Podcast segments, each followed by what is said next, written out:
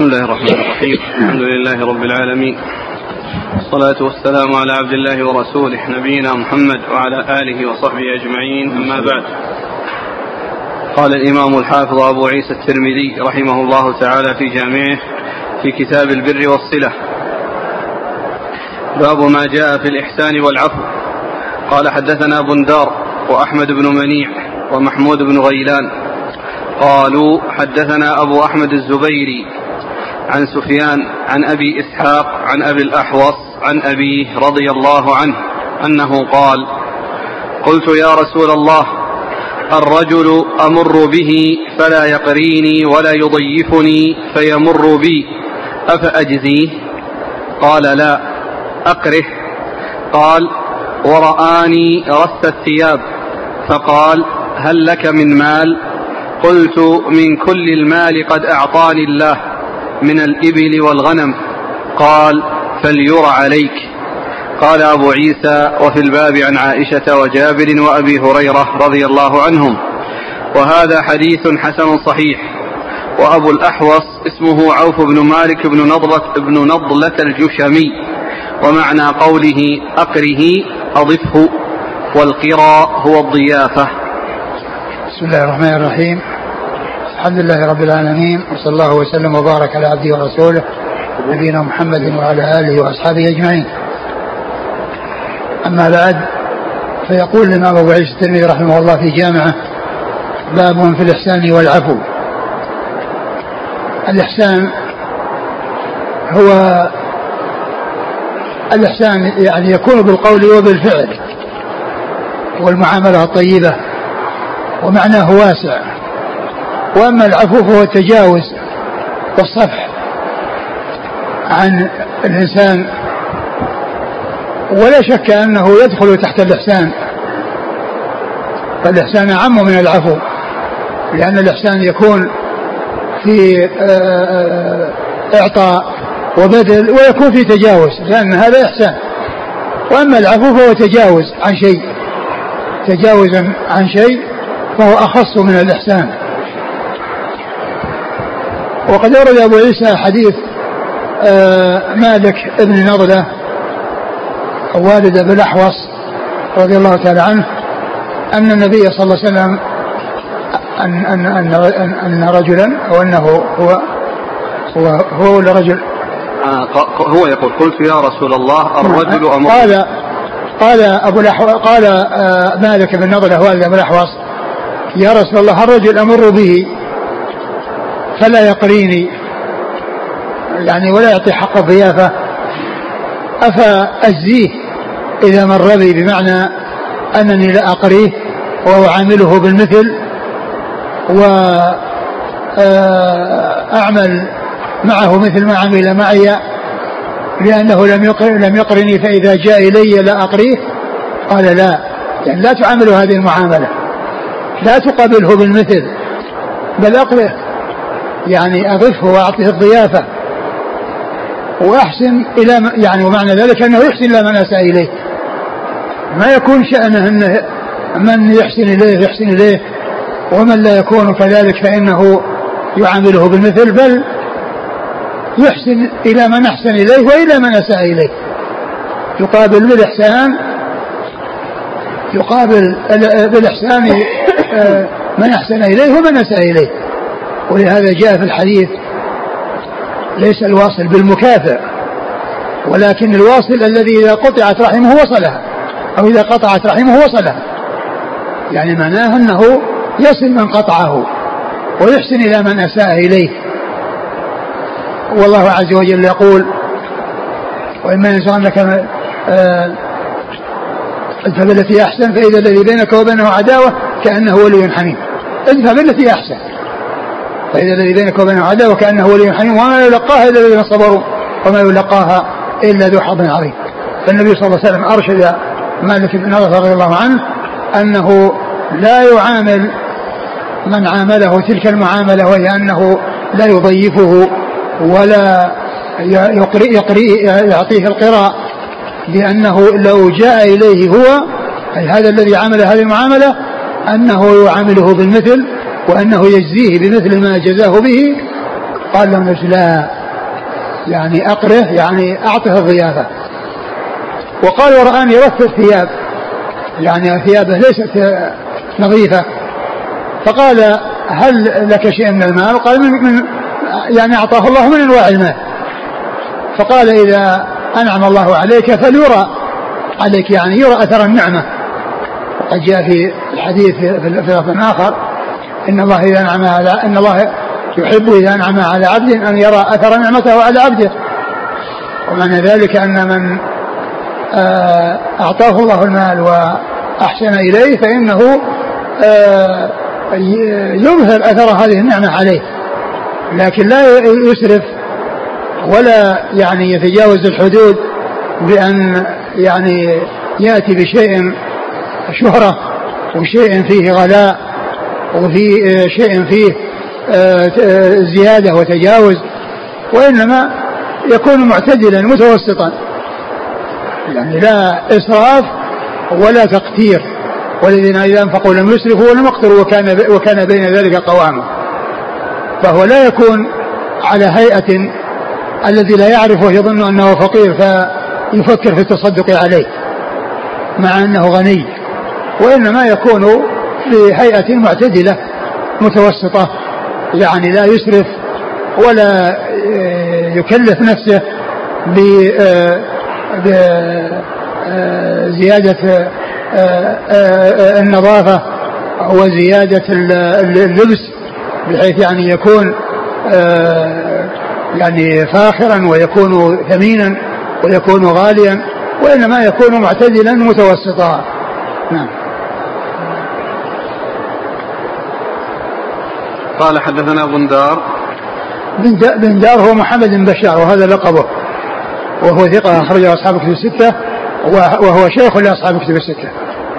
وأحمد بن منيع. وأحمد بن منيع ثقة أخرجه أصحاب كتب الستة. ومحمود بن غيلان. ومحمود بن غيلان ثقة أخرجه أصحاب كتب الستة إلا أبا داود.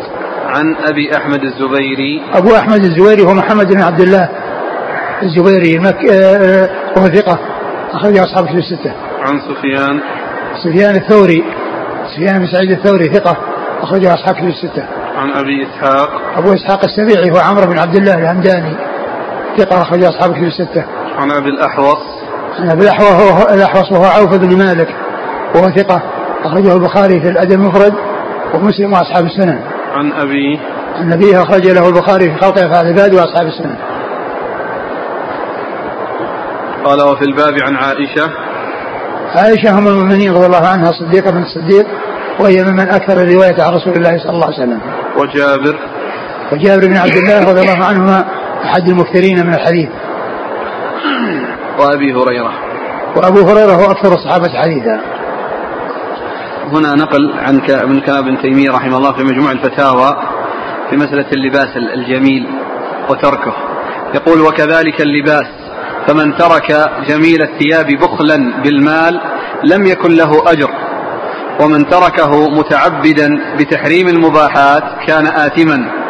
ومن لبس جميل الثياب إظهارا لنعمة الله واستعانة على طاعة الله كان مأجورا. ومن لبسه فخرا وخيلاء كان آثما. فإن الله لا يحب كل مختال فخور. فهذه المسائل ونحوها تتنوع بتنوع علمهم واعتقادهم. والعبد مأمور في كل صلاة اهدنا الصراط المستقيم صراط الذين أنعمت عليهم غير المغضوب عليهم ولا الضالين. نعم هذا كلام جميل وتفصيل جيد. نعم. حدثنا أبو هاشم الرفاعي محمد بن يزيد قال حدثنا محمد بن فضيل. أبو هشام.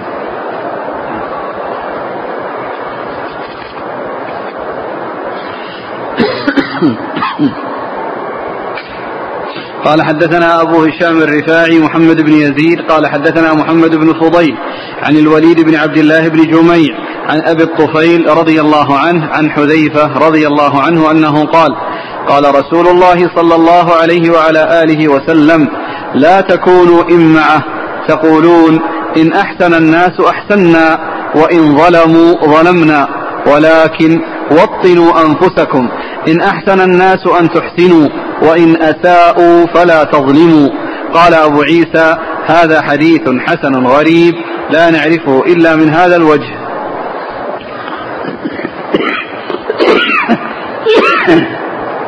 ثم ورد أبو عيسى هذه الترجمة هذا الحديث عن عن حذيفة بن عمر رضي الله عنه أن النبي قال لا تكونوا إمعة يقول يقولون إن أحسن الناس أحسنا وإن ظلموا ظلمنا. ولكن وطنوا أنفسكم على أنهم إذا أحسنوا أن تحسنوا وإذا ظلموا أن لا يحصل منكم الظلم وإنما يحصل منكم الإحسان. فقوله لا يكون أحدكم إمعة يعني أنه تابع لغيره. تابع لغيره. ليس له يعني طريقة صحيحة وليس له منهج صحيح وإنما هو مع من آه، يستجره ويعني يستهويه على أي شيء يريده.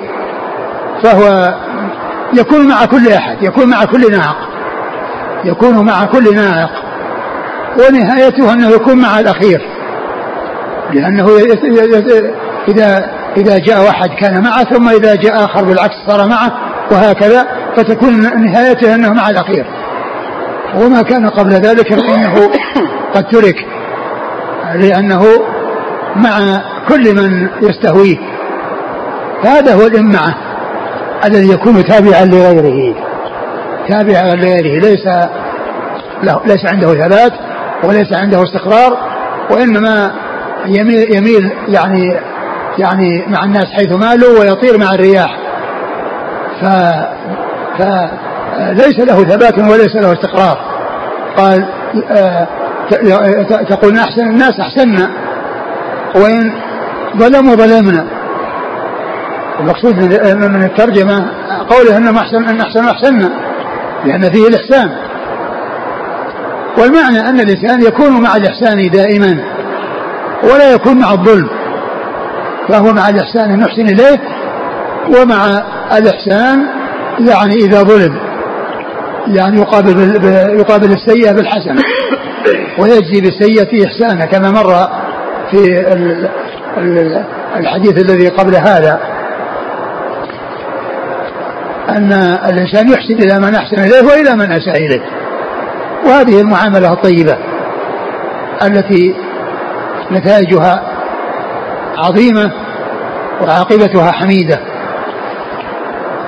إن أحسنوا أحسنا وإن ظلموا ظلمنا.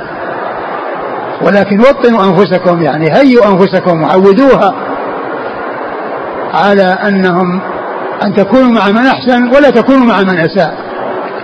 أن تكونوا محسنين لا أن تكونوا مسيئين ظالمين. يعني هذا هو شأن المؤمن أن يكون كذلك. والحديث في إسناده أبو هشام الرفاعي أبو هشام نعم. الرفاعي نعم. أبو هشام الرفاعي وهو ليس بالقوي نعم. قال حدثنا أبو هشام الرفاعي محمد بن يزيد. ليس بالقوي. له مسلم والترمذي وابن ماجه. نعم. عن محمد بن فضيل. هو بن غزوان ثقة صدوق أخرج أصحاب في ستة. عن الوليد بن عبد الله بن جميع وهو صدوق يهم أخرج له. خالف المفرد ومسلم وأبو داود والترمذي والنسائي. عن أبي الطفيل. أبو الطفيل وهو آه، صحابي صغير أخرج له أصحاب الكتب. نعم. نعم. عن حذيفة. عن حذيفة بن اليمان رضي الله عنه أخرج أصحاب الكتب الستة. يقول السائل الإنسان الذي يتابع أهل البدع مع أنه غير متعلم. هل هو ممن يسمى إمعة؟ الجاهل الذي يتابع عن جهل يعلم ويستنقذ لأنه ابتلي بمن جره إلى سوءه ولا يعرف الخير ولا يميز. آه، آه، السليم من غير السليم والصحيح من غير الصحيح. فمثل هذا يعلم. يعني كما أنه تبع أولئك لجهله فعلى أهل السنة أن يدلوه على السنة وأن يعني يجذبوه إليها حتى يكون منهم. نعم. قال رحمه الله تعالى باب ما جاء في زيارة الإخوان. قال حدثنا محمد بن بشار والحسين بن أبي كبشة البصري. قال حدثنا يوسف بن يعقوب السدوسي. قال حدثنا أبو سنان القسملي هو الشامي عن عثمان بن أبي سودة عن أبي هريرة رضي الله عنه أنه قال قال رسول الله صلى الله عليه وعلى آله وسلم من عاد مريضا أو زار أخا له في الله ناداه مناد أن طبت وطاب ممشاك وتبوأت من الجنة منزلا. قال أبو عيسى هذا حديث حسن غريب وأبو سنان اسمه عيسى بن سنان. وقد روى حماد بن سلمة عن ثابت عن أبي رافع عن أبي هريرة رضي الله عنه عن النبي صلى الله عليه وعلى آله وسلم شيئا من هذا. ثم أورد أبو عيسى هذا الحديث في زيارة الأخوان. يعني الإخوان في الله إن كونهم يتزاورون ولو بالسفر وبالذهاب إليهم ف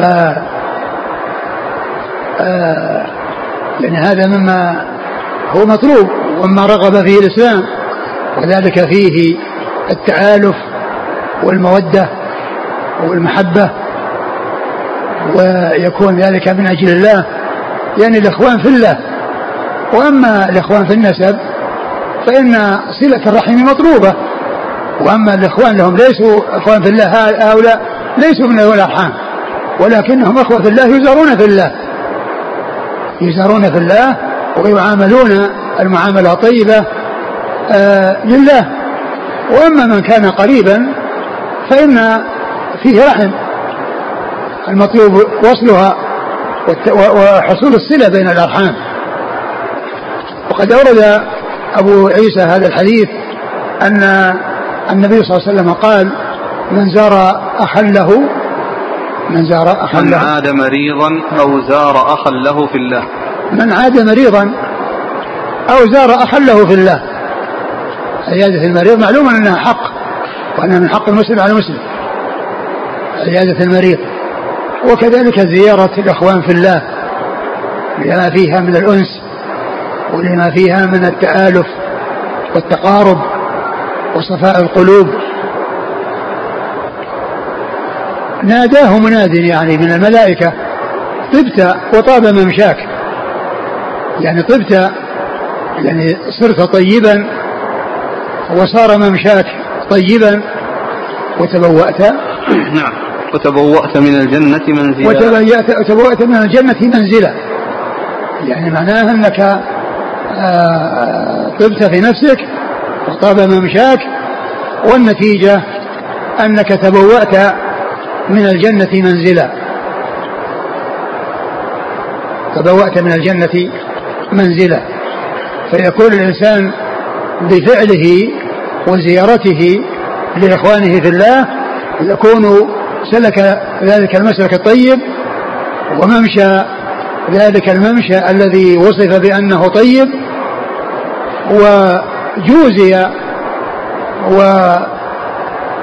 بأن يهيأ له مكان في الجنة وأن ينزل مكانا في الجنة وأن يتبوأ مكانا من الجنة بسبب هذا العمل الصالح الذي فعله في الله ومن الذي فعله من أجل الله وفي سبيل الله. نعم. قال حدثنا محمد بن بشار والحسين بن أبي كبشة البصري. هو صدوق وجر الترمذي وابن ماجه. نعم. عن يوسف بن يعقوب السدوسي. وهو صدوق وجر البخاري والترمذي والنسائي وابن ماجه. نعم. عن أبي سنان القسملي. وهو لين. لين الحديث. نعم. أخرجه البخاري في المفرد وأبو داود في القدر والترمذي وابن ماجه. نعم. عن عثمان بن أبي سودة. وهو ثقة أخرجه البخاري في المفرد وأبو داود والترمذي وابن ماجه. نعم. عن أبي هريرة. أبو هريرة مر ذكره نعم. قال وروى حماد بن سلمة. حماد بن سلمة ثقة أخرجه البخاري تعليقا مسلم وأصحاب السنة. عن ثابت. ثابت بن أسلم البناني وهو ثقة أخرجه أصحاب الكتب الستة. عن أبي رافع. عن أبي رافع هو نفيع الصالح ثقة أخرج أصحاب الكتب. نعم. عن أبي هريرة. نعم. يقول السائل ما صحة هذه المقالة؟ هل هي حديث؟ زر غبا تزدد حبا.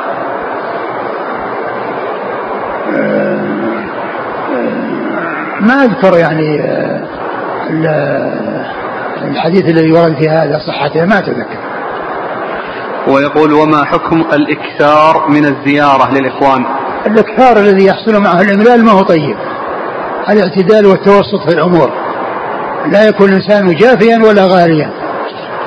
لا يكون جافيا لا يزور ولا غاليا. يكثر الترداد فيثقل أو يستثقل ويمل فعله. نعم إذا كان يعرف من صاحبه ويطلب منه أن يأتي ويرى أن ذلك يعجبه لا بأس. أما كونه من تلقاء نفسه وهو لا يعرف يعني موقف صاحبه فقد يتبرم بهذا التكرار وهذا الترداد ويستثقل يعني صاحب ذلك. هذا يرجع إلى معرفة أحوال المزور ورغبة المزور وكونه يطلب منه الإكثار وكونه يعتب عليه إذا تأخر. فإذا فعل من أجل أنه عرف منه الرغبة فإن هذا مطلوب. ولكن إذا كان ما يعرف منه الرغبة أو يعني يظهر منه التبرم وعدم آه، آه، الارتياح فإنه لا يثقل لا يثقل يعني عليه. مثل ما جاء في مر بنا قريبا في الضيف الضيافة يعني ثلاثة أيام وما زاد عليك صدقة ولا يحل له أن يثوي عنده. لا يحل له أن يثوي عنده. حتى يشق عليه. يقول هل عيادة المريض خاصة بالمسلم أما الأجر حتى في الكافر؟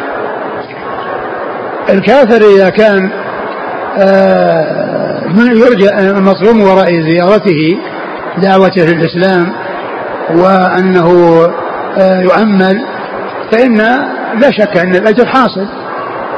فإذا كان في الزيارة فيها استجلاب ويعني آه، تأليف ويترتب عليها مصلحة فإنه يؤجر عليها. وإلا فلا تفعل. هل يدخل في الزيارة مراسلة الإخوان والسؤال عنهم بالهاتف إذا كانوا بعيدين؟ نعم لا شك. يعني ما لا يعني ما لا يحصل فيه الشيء الكامل. وأمكن يعني الشيء الذي دونه ولا شك أن الزيارة والذهاب لا شك أنها أفضل وأنها أولى. وأذكر أنه قبل وفاة الشيخ عبد العزيز بن باز رحمة الله عليه ب يعني 27 يوما كان في مكة وذهبت إليه. أنه بعض الأولاد في يوم 29 من شهر ذي الحجة. ذهبت خصيصا لزيارته؟ فذهبنا إليه و وكعادته إذا مر به إنسان يعرض عليه الغداء والعشاء وأنه يعني آه، يطلب منه أن آه، يعني يشارك في طعامه. فقلت له إنما أنا جئت يعني لزيارتك وسأتغدى وأرجع. فقال رحمة الله عليه قال الله عز وجل وجبت محبتي للمتزاورين في والمتحابين في فذكر الحديث. وكان هذا يعني بعده ما ما رأيته إلا إلا وقد مات.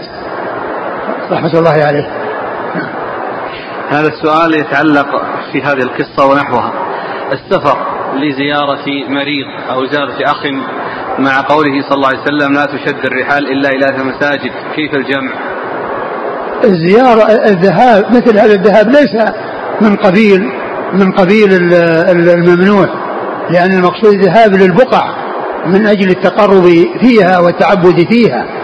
أما كون إنسان يعني يزور يعني يسافر لزيارة الإخوان أو يسافر لتحصيل علم وتحصيل فائدة فإن هذا سائر وقد جاءت الأحاديث في هذا من زار خله في قرية. يعني يعني آه، آه، جعل مرصدته ملكا. يعني جاء في حديث جاء في حديث الإنسان ان يكون إنسان يسافر إن هذا شيء سائق وشيء مطلوب. وليس من قبيل شد الرحال إلى إلى إلى إلى, إلى أماكن يتعبد بها وهي ما جاء فيه شيء يدل على التعبد بها. يعني آه، بأن يقصد بقعة ليتعبد بها وهو ما جاء فيها دليل أما زيارة الإخوان أو آه، عيادة مريض يذهب إليه أو الذهاب إليه يعني لي يعني ليصلي عليه إذا كان قد مات فإن ذلك سائغ ولا مانع منه. قال رحمه الله تعالى باب ما جاء في الحياء. قال حدثنا أبو كريب قال حدثنا عبدة بن سليمان وعبد الرحيم ومحمد بن بشر عن محمد بن عمرو.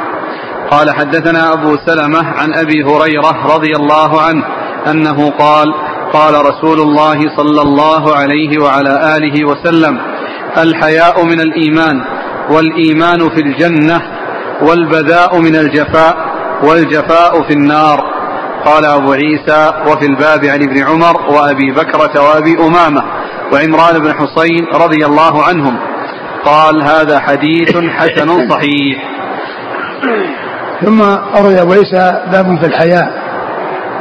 والحياء وصف آه، آه، يمنع من الوقوع في ما لا ينبغي يعني استحياء وهو يمنع من الوقوع في الأمر المحرم أو الأمر المكروه والامر الذي لا لا يسوغ.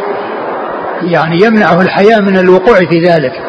كما أن من يسلب الحياء لا يبالي أن يفعل أي شيء كما جاء في الحديث اللي رواه البخاري إن مما أدرك الناس من كلام النبوة الأولى إذا لم تستحي فاصنع ما شئت. إن مما أدرك الناس من كلام النبوة الأولى إذا لم تستحي تستحي فاصنع ما شئت. فالحياء يمنع من الأمور المنكرة والأمور المحرمة وقلة الحياء لا يبالي من كان كذلك في أن يفعل أي شيء آه، غير سائغ كما جاء في هذا الحديث الذي رواه البخاري في صحيحه وهو مما توارثه الناس عن الأنبياء وليس خاصا بهذه الشريعة بل في الشريعة السابقة. إن مما أدرك الناس من كلام النبوة الأولى أي النبوة السابقة إذا لم تستحي فاصنع ما شئت. إذا لم تستحي فاصنع يعني معناه قلة الحياء يحصل معها عدم مبالاة. والحياء يمنع من الوقوع في الأمر الذي لا ينبغي. وقد أورد أبو عيسى هذا الحديث أن قال الحياء من الإيمان. وهو شعبة من شعب الإيمان. كما جاء في حديث الإيمان بضع وسبعون أو بضع وستون شعبة فأعلاها قول لا إله إلا الله وأدناها إماطة الأذى عن الطريق والحياء شعبة من الإيمان. والحياء شعبة من الإيمان. فإنه ذكر الأعلى والأدنى ونص على شعبة من الشعب لأهميتها لأن ليست الأعلى ولا الأدنى وهي شعب كثيرة وقد يعني نص عليها دون غيرها لما يترتب عليها من الخير ولما في عدم حصولها والاتصاف بها من الوقوع في الأمور المحرمة دون مبالاة. الحياء من الإيمان والإيمان والحياء والإيمان في الجنة. والإيمان في الجنة. لأن المقصود من ذلك أن أهل الحياء الذين الحياء من يعني من من صفاته أهل الإيمان الذين الحياء من صفاتهم ومن أخلاقهم أن أن أنهم في الجنة. والحياء ينتهي بصاحبه إذا امتنع مما حرم الله حياء من الله فإنه ينتهي بصاحبه إلى الجنة. لأنه عمل العمل الذي يوصل إلى الجنة. والإيمان في الجنة يعني يعني أهل الإيمان الذين يعني آه، آه، اتصفوا آه، أخذوا به وبشعبه واتصفوا بما يعني جاء فيه من من ذلك الذي هو الحياء الذي جاء في هذا الحديث أنه من الإيمان وجاء في الحديث المتفق عليه أنه شعبة من شعب الإيمان. والبذاء من من الجفاء. والبذاء يعني البذاء اللي هو الذي هو الفحش والتكلم في الكلام البذيء أو فعل الأفعال القبيحة هذا من الجفاء.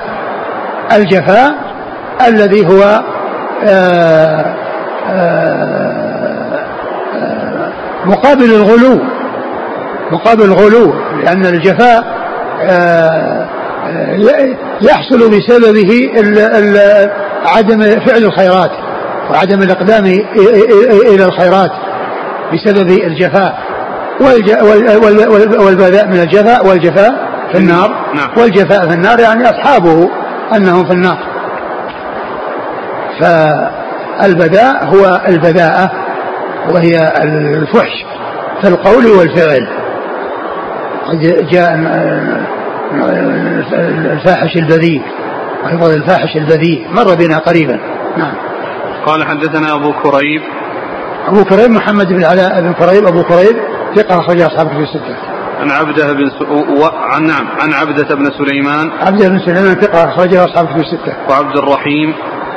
عبد الرحيم بن سليمان الكناني. نعم هو. ثقة أخرج أصحاب الكتب. نعم. ومحمد بن بشر.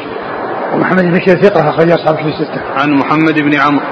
محمد بن عمرو بن علقمة بن وقاص الليثي وهو صدوق أخرج أصحاب في الستة.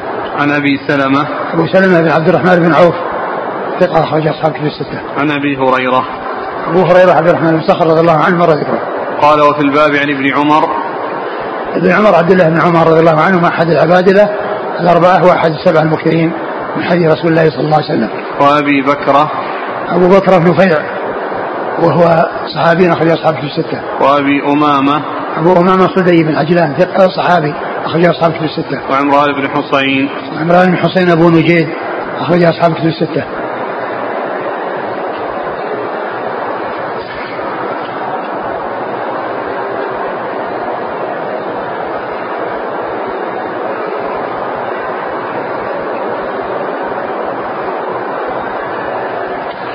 يقول السائل حفظك الله أصبح أحدنا يجد نفسه يمشي قريبا من الجدران خوفا من الاحتكاك بالنساء في الطرقات حيث إنهن ممن لا يبالين فيمشين وسط الطرقات.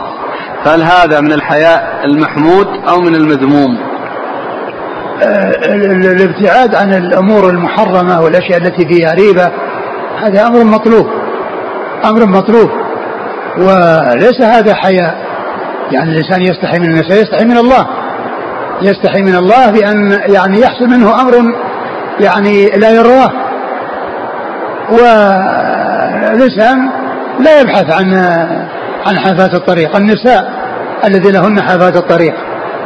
ولكن على الإنسان يبتعد عن النساء سواء كان في وسط الطريق أو في جوانب الطريق. وهذا الأخ يقول ما معنى الحياء الذي هو صفة لله عز وجل؟ آه، آه، آه، لا شك أن الله عز وجل يعني صفاته كلها كمال وكلها وقد جاء في الحديث أن الله يستحي إذا رفع العبد يديه يردهما صفرا يعني معناه أن أنه متصف بهذه الصفة التي من آثارها أنه لا يرده.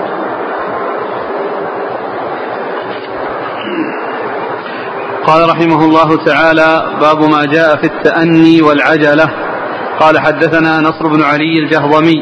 قال حدثنا نوح بن قيس عن عبد الله بن عمران عن عاصم الأحول عن عبد الله بن شرجس المزني رضي الله عنه أن النبي صلى الله عليه وعلى آله وسلم قال السمت الحسن والتؤدة والاقتصاد جزء من أربعة وعشرين جزءا من النبوة.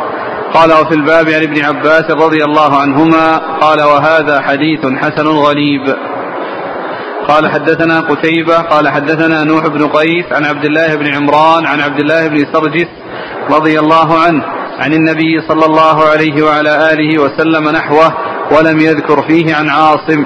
والصحيح حديث نصر بن علي. ثم ورد أبو عيسى باب في الأنات و في التأني والعجلة. في التأني والعجلة. التأني هو ضد العجلة. والمطلوب هو التأني والتثبت في الأمور وعدم الاستعجال. وعدم الاستعجال لأن الاستعجال قد يعني يوقع فيما لا يحمد أو ما تحمد عاقبته والتأني والتثبت وعدم الاستعجال وكون الإنسان لا يقدم إلا على بينة بأن يتروى فقد يتبين له يعني إذا انقدح في ذهنه أول يعني ما يعني يهم بأمر أنه يعني يستعجل فيه فإذا تروى وتأمل قد يتبين له أن المصلحة في الترك وعدم الإقدام على الشيء الذي آه الذي آه آه يعني يفعله بسبب الاستعجال يفعله بسبب الاستعجال. فالتأني مطلوب. التأني مطلوب والاستعجال الذي يؤدي إلى ما تحمد عاقبته هذا يعني لا ينبغي أن يفعله الإنسان. وقد أورد أبو عيسى حديث عبد الله بن سرجس رضي الله عنه النبي صلى الله عليه وسلم قال إن السمت الصالح الحسن. إن السمت الحسن. والتؤدة. والتؤدة والاقتصاد, والاقتصاد جزء من 24 جزءا من النبوة. السمت الحسن يعني الطريقة الحسنة والهيئة الحسنة كون الإنسان يعني آه، آه، يسير بسمت حسن وبطريقة آه، مثلى يعني في يحمد عليها في أخلاقه وأدبه. وعدم وجود ما يستقبح منه وكذلك التؤدة التي هي التأني وهذا هو محل الشاهد والتؤدة في الأمور والتريث وعدم الاستعجال والاقتصاد الذي هو الاعتدال والتوسط في الأمور فلا يكون غاليا ولا جافيا. وإنما يكون معتدلا متوسطا. معتدلا متوسطا كما قال الله عز وجل والذين إذا أنفقوا لم يسرفوا ولم يقصروا. وكان بين ذلك قواما. ويقول أبو سليمان الخطابي ولا تغلوا في شيء من الأمر يقتصد ولا تغلوا في شيء من الأمر يقتصد. كلا طرفي قصد الأمور ذميم الطرفان اللذان يتوسط بينهما الاقتصاد والاعتدال مذمومان وهما الغلو والجفاء. الغلو والجفاء والإفراط والتفريط. التفريط والإفراط متقابلان التفريط فيه آه، الانفلات والإفراط فيه مجاوزة الحد وكل منهما مذموم. ولهذا فإن أهل السنة والجماعة وسط بين أهل البدع فهم وسط بين يعني في صاحب الكبيرة بين الخوارج والمعتزلة وبين المرجئة. المرجئة الذين يعني جعلوا صاحب الكبيرة ليس عليه شيء وأنه لا يضره مع الإيمان ذنب فصار هذا الرأي فيه الانحلال والانفلات وعدم المبالاة. والآخر المقابل أنه إذا حصل من الكبيرة فإنه خرج من الإيمان وصار كافرا وصار خالدا مخلدا في النار. أهل السنة والجماعة وسط في هذا. فقالوا إن صاحب الكبيرة مؤمن بإيمانه فاسق بكبيرته فلا يعطونه الإيمان الكامل كما تعطيه المرجئة الذين يقول لا يضر مع الإيمان ذنب كما لا ينفع مع الكفر طاعة. ولا يسلبونه أصل الإيمان فيحكمون عليه بالكفر كما تفعل الخوارج والمعتزلة. وإنما يقولون هو مؤمن ناقص الإيمان. فقولهم مؤمن خالفوا الخوارج اللي قالوا كافر. وقولهم ناقص الإيمان خالفوا المرجئة الذين قالوا كامل الإيمان. الذين قالوا إنه كامل الإيمان. فهو مؤمن ناقص الإيمان. بقولهم مؤمن خالفوا الذين كفروا. وهم الخوارج والمعتزلة. وأخرجوه من الإيمان. وقولهم ناقص الإيمان خالفوا المرجئة الذين قالوا هو كامل الإيمان. هو مؤمن ناقص الإيمان. هذا هو الاعتدال. وهذا هو التوسط في الأمور. إن السمت الحسن والتؤدة والاقتصاد جزء من أربعة وعشرين جزءا من النبوة يعني أن هذه مما قال بعض العلماء وبعض الشراح إن هذا مما جاءت به الأنبياء ومن آه، أخلاق الأنبياء ومن التعاليم التي جاء بها الأنبياء وأنها مما جاءت به النبوة. ولكن ليس معنى ذلك أن من يكون ذلك من يكون كذلك يعني يصل إلى شيء لا يستحقه فإن النبوة لا ليست بالاكتساب وليست بتحصل يعني بالاكتساب وإنما هي منحة ومنة من الله عز وجل يمن بها على من شاء من عباده. والنبوة والرسالة انتهت بوفاة بنبينا محمد عليه الصلاة والسلام. فإنه لا نبي بعده ولا رسول بعده عليه السلام وإذا فالمقصود من ذلك أن هذه الأعمال أنها من أخلاق الأنبياء ومما جاء به الأنبياء. نعم. قال حدثنا نصر بن علي الجهضمي. ثقة أخرجه أصحاب في الستة. عن نوح بن قيس. هو؟ صدوق خرجه مسلم وأصحاب السنن. نعم. عن عبد الله بن عمران.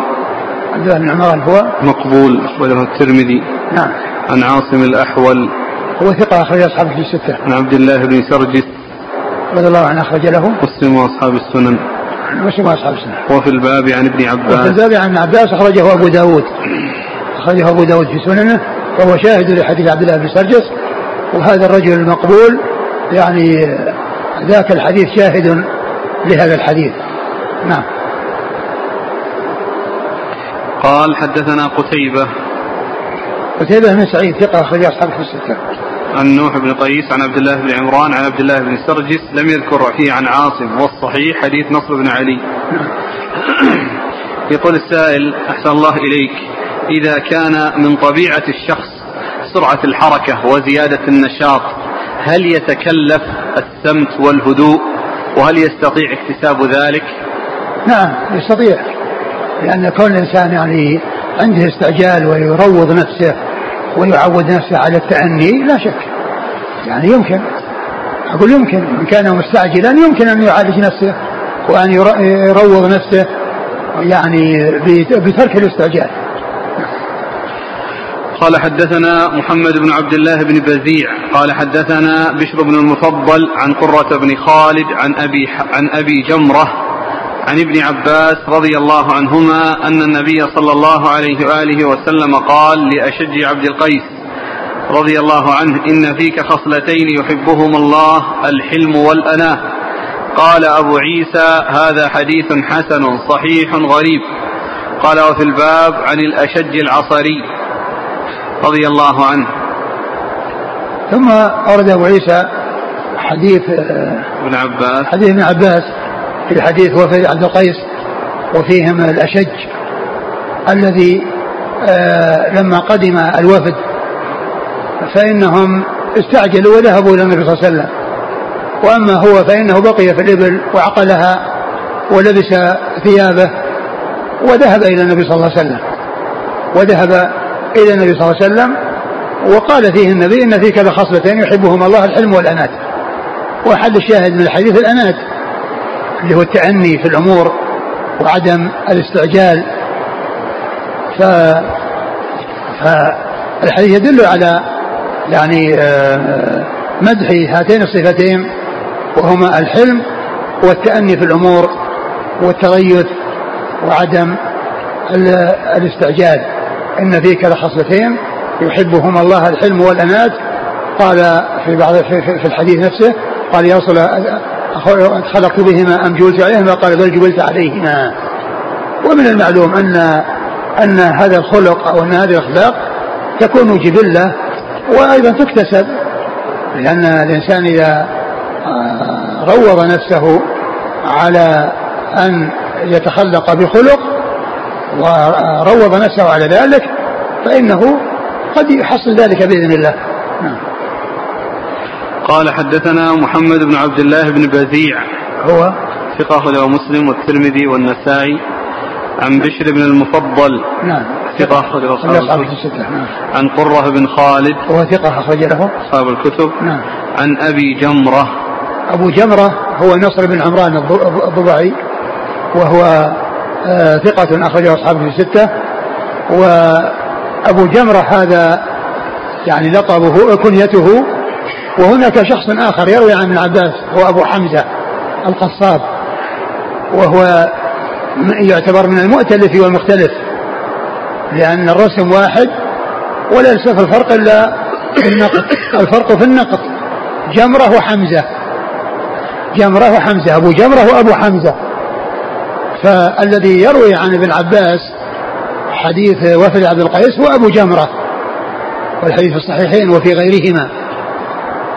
والذي وأما أبو حمزة القصاب فإنه هو الذي روى عن ابن عباس حديث آه، حديث ابن عباس في معاوية لا أشبع الله بطنه.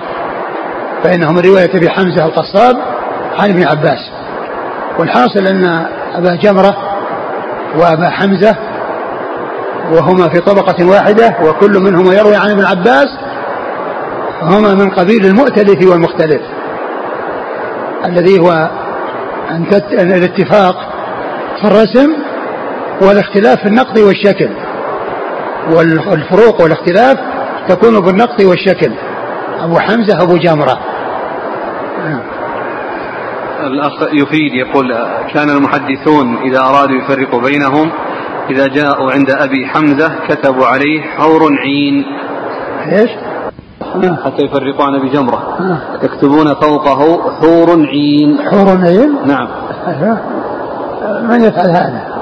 وهكذا كان المحدثون إذا أرادوا التفريق بين بين أبي حمزة وأبي جمرة كتبوا فوق أبي حمزة حور عين وهذا من دقة علماء الحديث من ذكر هذا؟ ما بدون إحالة ها؟ لم يحل إلى مرحل حور عين؟ إيه؟ يعني آه، كما هو معلوم آه،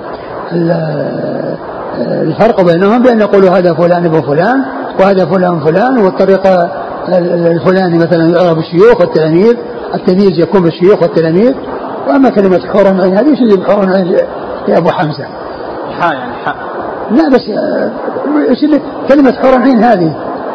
يعني حور عين هذه ما في حاء إلا هذه حور عين على كل الذي الذي الذي ذكر هذا الكلام عليه أن يحضر لنا المستند. قال وفي الباب عن الأشج العصري.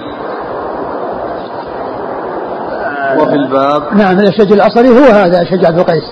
هو نفسه لأن الحديث جاء عنه وجاء عن ابن عباس. والأشج خرج له. خالد المفرد والنسائي. نعم. يقول السائل هل الأشج بن عبد القيس هذا؟ هو الأحنف بن قيس الذي اشتهر بالحلم؟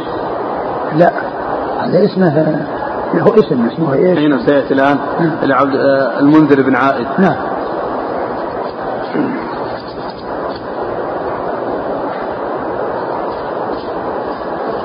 قال حدثنا أبو مصعب المدني قال حدثنا عبد المهيمن بن عباس بن سهل بن سعد الساعدي عن أبيه عن جده رضي الله عنه من الأشياء التي يفرق بها يعني بعلامات. يعني هناك علامات ما هو يعني كلمة يعني حور إيش إذا حصل تصحيف الآن مثل بين أبو جمرة وأبو حمزة. يعني جاء أبو حمزة مكان أبو جمرة وأبو جمرة مكان أبو حمزة. إيش يعرف الناس؟ هذا من هذا. هذا يعرف يعني مثلا حديث أبي قيس معروف؟ أن الذي رواه أبو جمرة وليس أبو حمزة. وما دام أن في الإسناد أبو أبو جمرة جاء أبو أبو يعني ابو أبو, حم أبو جمرة. فإذا وجد أبو حمزة اظن في النص عندكم أبو حمزة؟ اي مصحف. اي مصحف.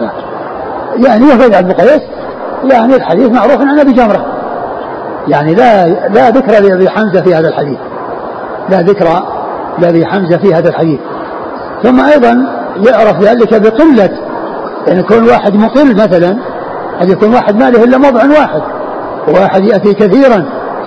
لكن من الأشياء التي يعني يعني يستدل بها على يعني تمييز بين شيء وشيء مثل قضية السلم والسلف. السلم والسلف هما اسم للمعاملة التي هي القراض القراض وهي كون الإنسان يدفع مالا إلى شخص ويعمل العامل ويكون الربح بينهما على النسبة التي يتفقان عليها العامل من أجل عمله وصاحب العلم من أجل ماله. وهي معاملة أجمع العلماء عليها وهي ثابتة في الإسلام وهي من المعاملات المجمع عليها في الإسلام. كون إنسان عنده مال ويريد أن يستفيد منه وعامل ما عنده مال وعنده قدرة على العمل فيستفيد هذا من هذا وهذا من هذا. فصاحب المال يعطي ماله للعامل ليعمل به وما حصل من ربح فهو بينهما على النسبة التي يتفقان عليها نصف ونصف أو ثلث وثلثين. هذا من أجل ماله وهذا من أجل عمله. السلم والسلف لغتان. أهل العراق عندهم السلم. التعبير بالسلم وأهل الحجاز عندهم التعبير بالسلف السلف. لكن الإنسان إذا أراد أن يميز هل السلف لأهل العراق أو السلم, أو السلم لأهل, لأهل الحجاز أيهما؟ كيف يستطيع؟ يمكن أن يعرف ذلك بمعرفة الحديث. قدم المدينة وهم يسلفون. في حديثه يسلفون. والمدينة الحجاز. فإذا السلف لغة أهل الحجاز. والسلم لغة أهل العراق. ولهذا في كتب الحنفية وكتب الحنابلة يعني يأتي باب السلم يقولون باب السلم ويعني غيرهم يقول القراء أو يقول السلف. لكن الحديث نفسه هو الذي يعرف به التمييز بين هذه أو هذه. يعني قدم المدينة وهم يسلكون. يعني معناها بين المدينة يعني لغة الحجاز السلف ما هي بالسلف وكذلك أيضا آه، آه، دخول مكة دخل يعني من آه، دخل مكة من إيش كذا. من كذا وخرج من كدى في فتح وفي ضم. قالوا يعني عند الدخول في فتح. الدخول في فتح. الكاف مفتوحة. والدخول يعني يكون مع الفتح. والضم بخلافه. فإذا يعرف أن الكاف أن المكان الذي يحصل منه الدخول هو بفتح الكاف بفتح الكاف لأن الدخول يكون مع الفتح. إذا فتح الباب الإنسان يدخل. فيعني أظن مثل هذه العلامات هي التي يعني يستطيع الإنسان أنه يعني آه، يميز بين يعني بينها. نعم. قال حدثنا أبو مصعب المدني قال حدثنا عبد المهيمن بن عباس بن سهل بن سعد الساعدي عن أبيه عن جده رضي الله عنه أنه قال قال رسول الله صلى الله عليه وعلى آله وسلم الأنات من الله والعجلة من الشيطان. قال أبو عيسى هذا حديث غريب. وقد تكلم بعض أهل الحديث في عبد المهيمن بن عباس بن سهل وضعفه من قبل حفظه. والأشج بن عبد القيس اسمه المنذر بن عائذ يعني هذا تأخر عن مكانه لأن ذكر الأشج يعني يناسب أن يكون بعد الحديث الذي ذهب وليس بعد هذا الحديث لأن لأنه لا علاقة له بهذا الحديث وإنما هو متعلق بالحديث السابق الذي هو الأشج ذكر حديث ذكر الأشج ويعني. ثم سماه وهو متأخر عن مكانه ومكانه قبل هذا الحديث أورد أبو عيسى هذا الحديث حديث سهل بن سعد. سهل بن سعد الساعدي رضي الله عنه النبي صلى الله عليه وسلم قال العجلة الأنات من الله. الأنات من الله والعجلة من الشيطان. الأنات من الله والعجلة من الشيطان. يعني أن التأني فيه السلامة وهو يعني من الله والعجلة هي من الشيطان وفيها الندامة. ولهذا يقولون يعني في كلام الناس في العجلة في, في, في, في تأني السلامة وفي العجلة الندامة. التأني السلامة وفي العجلة الندامة. ومعلوم أن الاستعجال ويعني يحصل فيه يعني ندم. بخلاف التأني فإن صاحبه لا يندم لأنه يعني أقدم على بينة. بخلاف الإنسان الذي آه، من أول وهلة يقدم ثم ما أسرع ما يندم. فأورد أبو عيسى هذا الحديث آه، أن الأنات من الله وأن التأني من الله من الله وأن العجلة من الشيطان. والحديث في إسناده عبد المهيمن هذا الذي هو ضعيف. نعم. قال حدثنا أبو مصعب المدني هو؟ صدوق غير أصحاب الكتب. نعم. عن عبد المهيمن بن عباس وهو ضعيف. أخرجه الترمذي وابن ماجه. نعم. عن أبيه وهو؟ ثقة أخرج البخاري ومسلم أخرج أصحاب الكتب إلا النسائي. نعم. عن جده. نعم. صحابي أخرج أصحاب الكتب. سالم السائل. نعم. يقول السائل آه، هل الاستعجال في الأمور الواجبة أو المستحبة يكون كذلك مذموم؟ لا ليس كذلك. الاستعجال يعني في أفعال الخير وعدم التباطؤ فيها وعدم التهاون مطلوب وإنما يكون يعني في الأمور التي فيها مجال للموازنة بين الإقدام والإحجام وبين آه، كون الإنسان يفعل أو لا يفعل. أما الشيء الذي فيه الذي فيه يعني ال يعني ال آه، الذي مطلوب فالإنسان يقدم على ما هو مطلوب منه شرعا. ولا يعني يتأنى فيه أو يفوت الفرصة عليه وإنما عليه أن يقدم. ولكن هذا يكون في الأمور المتأرجحة بين كونها تكون مفيدة أو غير مفيدة نافعة أو ضارة. هل وهي التي تكون فيها الاستخارة؟ الإنسان يعني يكون متردد بين أمرين. ما يعني يدري هل يقدم على هذا أو على هذا. نعم. قال رحمه الله تعالى باب ما جاء في الرفق قال حدثنا ابن أبي عمر قال حدثنا سفيان بن عيينة عن عمرو بن دينار عن ابن أبي مليكة عن يعلى بن مملك عن أم الدرداء عن أبي الدرداء رضي الله عنه عن النبي صلى الله عليه وعلى آله وسلم أنه قال من أعطي حظه من الرفق فقد أعطي حظه من الخير ومن حرم حظه من الرفق فقد حرم حظه من الخير.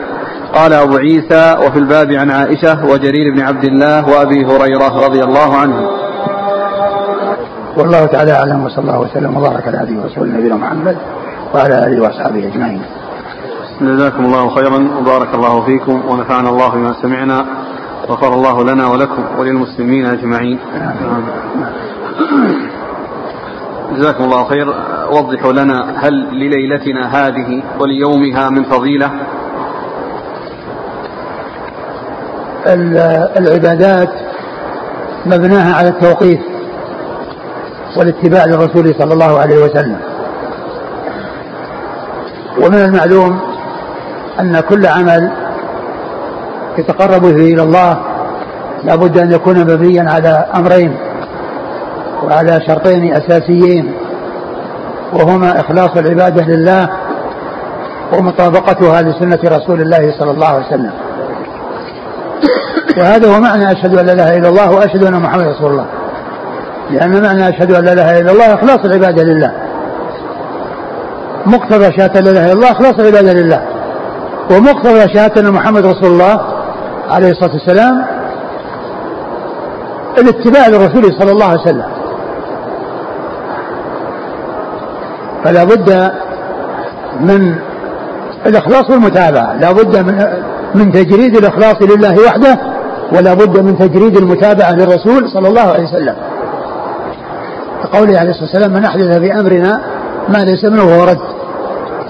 وعن ذلك أن العمل الذي يتقرب به إلى الله إذا لم يكن موافقا للسنة فإنه مردود لصاحبه وأن من شرط قبوله أن يكون وفقا للسنة وأن يكون موافقا لما جاء به الرسول الكريم عليه الصلاة والسلام. يقول شارح الطحاوية توحيدان لا نجاة للعبد إلا بهما توحيد الرسول وتوحيد المرسل. توحيد المرسل وهو الله بالإخلاص والعبادة وتوحيد الرسول بالمتابعة وتوحيد الرسول صلى الله عليه وسلم بالمتابعة. فهذان لا بد منهما. لا بد من أن تكون العبادة لله خالصة وأن تكون لسنة نبيه محمد صلى الله عليه وسلم موافقة ومطابقة. آه ليلة النصف من شعبان ما ورد في شيء يدل على أنه يعمل فيها عمل وأنها تخص بعمل وكذلك يومها لا يخص بعمل. من أجل النصف فلا يقدم الإنسان على إحيائها ولا على صيام نهارها من أجل الزمان. أما من كان من عادته يصوم أيام البيض من كل شهر فله أن يصوم الأيام البيض وفيها الخامس عشر. وفيها الخامس عشر الذي هو منتصف شعبان. يعني أو كان إنسان من عادته يصوم الاثنين يعني يصوم لأن كما قال النبي صلى الله عليه وسلم لا تتقدم رمضان بيوم أو يومين إلا رجل كان يصوم صوم فليصوم ما كان معتادا أنه يصوم يعني شيء يعني يوافق مثلا الاثنين. أما كل إنسان يعتاد أنه يصوم النصف من شعبان لتحري الفضيلة في نصف شعبان هذا ليس له أساس. لكن يصوم الاثنين إذا وافق يوم الاثنين نصف شعبان يصومه كما جاء في الحديث لا تقدم رمضان بيوم أو يومين إلا رجلا كان يصوم صوما فليصومه. إذا كان يصوم الاثنين ووافق 30 من شعبان يصوم. لأنه ما صام من أجل رمضان ومن أجل الاحتياط في رمضان بل من أجل أنه اعتاد أن يصوم الاثنين. وعلى هذا فلم يرد يعني شيء يدل على أن الإنسان يعني يعمل عملا وأنه يحيي هذه الليلة بأي عمل أعمال ما جاء في ذلك سنة عن رسول الله صلى الله عليه وسلم والمسلم يكون متبعا وأن يكون سائرا على النهج القويم الذي جاء به الرسول الكريم عليه الصلاة وأتم التسليم ويحذر من البدع. ولشيخنا الشيخ عبد باز رحمة الله عليه رسالة قيمة تشتمل على ثلاث رسائل يعني يعني في ثلاث كلمات واحدة في من شعبان واحدة في ليلة الإسراء والمعراج وواحدة في الرؤيا التي المنسوبة إلى خادم الحجرة النبوية وبيان كذبها وفسادها فإنه ذكر هذه الرسائل هذه المسائل الثلاث في هذه الكلمات وهي مطبوعة مع بعض يعني هذه الرسائل ثلاث رسائل يعني بعنوان التحذير من البدع. نعم. يقول السائل إذا أنعم الله على الإنسان فترك لبس الجميل أو النعل الحسنة زهدا فهل يأثم؟ آه سمعنا كلام الكلام ذكره شيخ الإسلام ابن تيمية يعني الذي فصل فيه. ولكن الإنسان لا يلبس الرديء ولا يلبس العالي وإنما يأتي بالشيء المتوسط. جاء بعض الأسئلة أن هذا يعتبر يريد يقول أنه الزهد. كيف يكون الزهد إذا لم ألبس هذه الأشياء؟ الزهد ما يكون بكل إنسان يظهر يظهر بلباس بادي وب يعني ثياب خلقة وإنما يعتدل ويتوسط والزهد يعني آه، كما هو معلوم يعني ما يكون بكل آه، إنسان يظهر بمظهر إذا رآه الإنسان ظنه فقير مع أنه غني يمكن يصدق عليه خبزه أو شيء من ذلك يظنه يظنه فقير. وإنما يظهر بمظهر المعتدل المتوسط. يعني يظهر أثر نعمة الله عليه كما جاء بذلك الرسول صلى الله عليه وسلم. والرسول صلى الله عليه وسلم هو يعني سيد البشر وله من الصفات أكملها وأعلاها وما كان يعني آه، يفعل مثل هذه الأفعال التي هي كونه يعني آه، آه، يعني يظهر بمظهر غير جيد. بل هو يعني آه، آه، يوصي بأن من أنعم الله عليه فليرى أثر نعمة الله عليه. الأخ راجع حديث زر غبا تزدد حبا. نعم. حديث عن عبد الله بن عمرو رضي الله عنه قال قال صلى الله عليه وسلم زر غبا تزدد حبا رواه الطبراني. وقال الشيخ الألباني في صحيح الترغيب والترهيب حديث صحيح لغيره. وأفاد كذلك قال وروى ابن حبان في صحيحه عن عطاء قال دخلت أنا وعبيد بن عمير على عائشة رضي الله عنها فقالت لعبيد بن عمير قد آن لك أن تزورنا؟ فقال أقول يا أمة كما قال الأول زر غبا تزدد حبا. قال فقالت دعونا من بطالتكم هذه.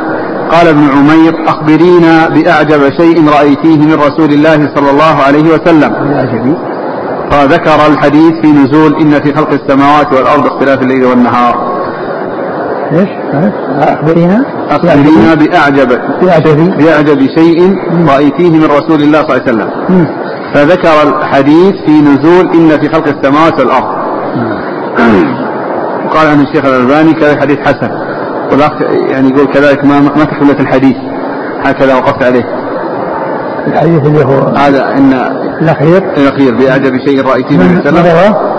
آه، رواه ابن حبان في صحيحه عن عطاء. هذا يمكن أن ينظر في تفسير ابن كثير. يعني عند هذه الآية. نعم. يقول الاخ كيف تكون الأناة؟ ورسول الله صلى الله عليه وسلم كان إذا مشى كأنما ينحدر من صبب من مكان مرتفع. هذا غير غير هيئة المشي. يعني لا يكون يعني الإنسان يعني مستعجل استعجالا شديد ولا يكون متباطئ وإنما يكون متوسط وهذا من التوسط الذي هو فعله صلى الله عليه وسلم فليس يركض ويجري وإنما يعني يمشي هذا المشي المعتدل المتوسط وال هو إيش بقي السؤال؟ إيش قال؟ آخر؟ هو كيف يقول كيف تكون أنا والنبي صلى الله عليه وسلم كان إذا مشى كأنما نعم يعني ال ال الأمات هي التثبت في الأمور والتروي وعدم الاستعجال. فيها حتى لا يحصل ندامة. وأما مسألة المشي فالرسول صلى الله عليه وسلم كان معتدلا متوسطا في مشيه فليس متباطئا وليس يجري ويركض. نعم. جزاكم الله خيرا. وبارك الله فيكم.